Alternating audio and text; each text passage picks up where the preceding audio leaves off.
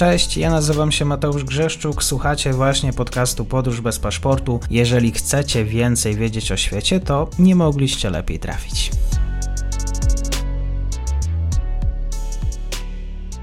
Dzień dobry Państwu, dzień dobry wszystkim słuchaczom.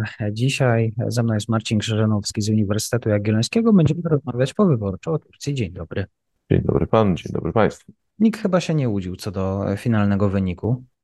Były nadzieje, zwłaszcza przed e, pierwszą turą. Oczywiście wszyscy dawali większe szanse urzędującemu, jak się okazuje, wciąż bezustannie prezydentowi Erdoganowi, ale e, lider opozycji był uznawany za no, kontrkandydata, który może Erdoganowi zagrozić. Okazało się, że no, jednak mobilizacja i zjednoczenie opozycji to za mało, żeby pokonać sułtana.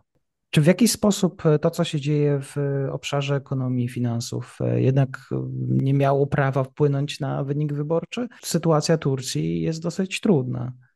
Nawet bardzo trudna. Kryzys zakreśla coraz szersze kręgi, a jak się okazuje, nie wszyscy obwiniają za to urzędującego prezydenta. Mało tego, nie dla wszystkich jest to jednakowo ważne.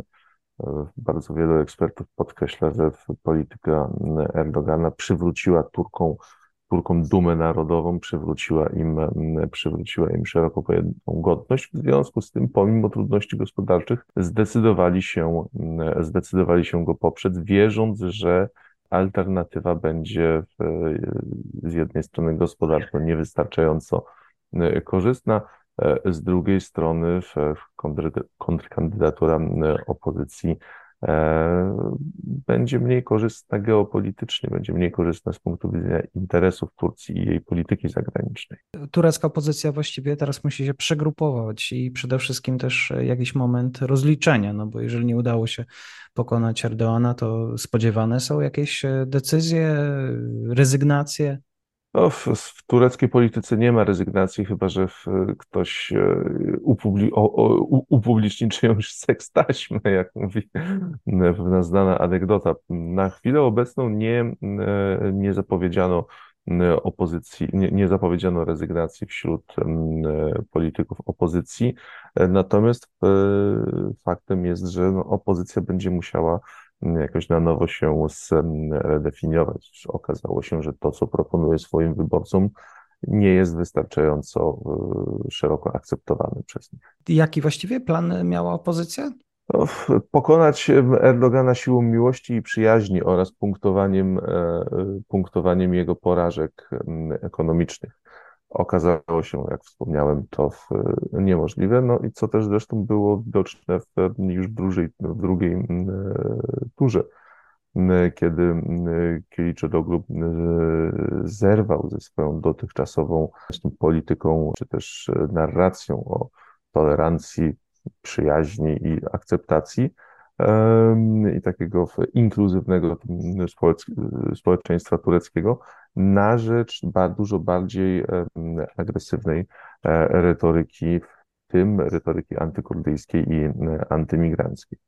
Wiemy, kto głosował na Erdoana, jak e, układały się te głosy? E, paradoksalnie Erdogan dostał bardzo dużo głosów w, na terytoriach, gdzie szczególnie dotkliwe było tegoroczne trzęsienie ziemi. E, zwyciężył też w wielu obwodach zagranicznych, na przykład, na przykład w Niemczech. E, natomiast poparcie dla Kilicz Daroglu było stosunkowo największe na południowym wschodzie Turcji. Jeżeli chodzi o opozycję, to są. E, kto głosuje dzisiaj za, za tą wizją państwa? No, prawie połowa mm, społeczeństwa trzeba, w, trzeba pamiętać, że na w kilka w drugiej turze oddało głos mm, prawie 40, niespełna 45, 45% e, społeczeństwa. Jest to, jest to wizja, która jednak cieszy się, e, cieszy się masową, e, masowym poparciem. Jednakże no, to wciąż i bezustannie, bezustannie za mało. Gratulacje spływały z całego świata. Rozumiem, że no, ten wynik wyborczy, gratulacje z kierunków no, do starego, znanego Erdoana. Raczej wiemy, czego mamy się spodziewać po prezydencie. Wielkiej korekty polityki nie będzie. No zdecydowanie nie będzie, co zresztą zostało e, wielokrotnie podkreślone w, podczas kampanii wyborczej. To, to, na co Turcy głosowali, to właśnie pewna e, e, kontynuacja. I ze strony, ze strony zagranicznych, ze strony zagranicznej, ze strony zagranicy również można mówić o pewnej uldze, jeśli chodzi o kraje bliskowschodnie. Zarówno w Teheranie, jak i w Kabulu Mm, wybór Erdogana został przyjęty jednak z pewną ulgą. Program, e, program Kilicz Daroglu, e, pomimo tego, że w tej warstwie retorycznej był bardzo, e, bardzo przyjazny, bardzo gołębi, no to jednak obejmował równie agresywną politykę zagraniczną, co w, co w przypadku Recepa Erdogana.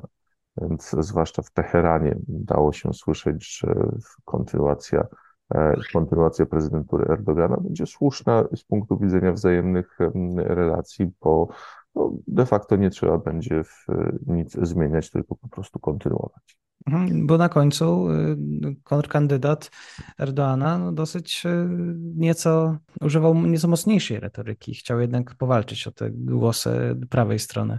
Dokładniej zaowocowało to utratą głosów po, no, nazwijmy to, lewej stronie i, oraz wśród Kurdów, no i ostatecznym, ostatecznym drugim, drugim wynikiem, czyli no, po prostu porażką wyborczą, krótko mówiąc.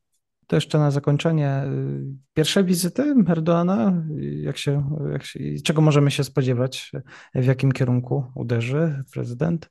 I to jest bardzo dobre pytanie. Kierunki, kierunki tak naprawdę ma y, dwa, no właściwie trzy. Może jechać, może jechać do któregoś z e, państw azjatyckich e, będących obecnie w trakcie sporu z Zachodem, delikatnie rzecz ujmując, czyli mogą to być Chiny, Rosja, e, może wybrać któryś z krajów zachodnich, a może postąpić, może postąpić, może spróbować trzeciej drogi i skupić się na dyplomacji e, regionalnej, udając się na przykład do jednego e, z krajów państw Zatoki.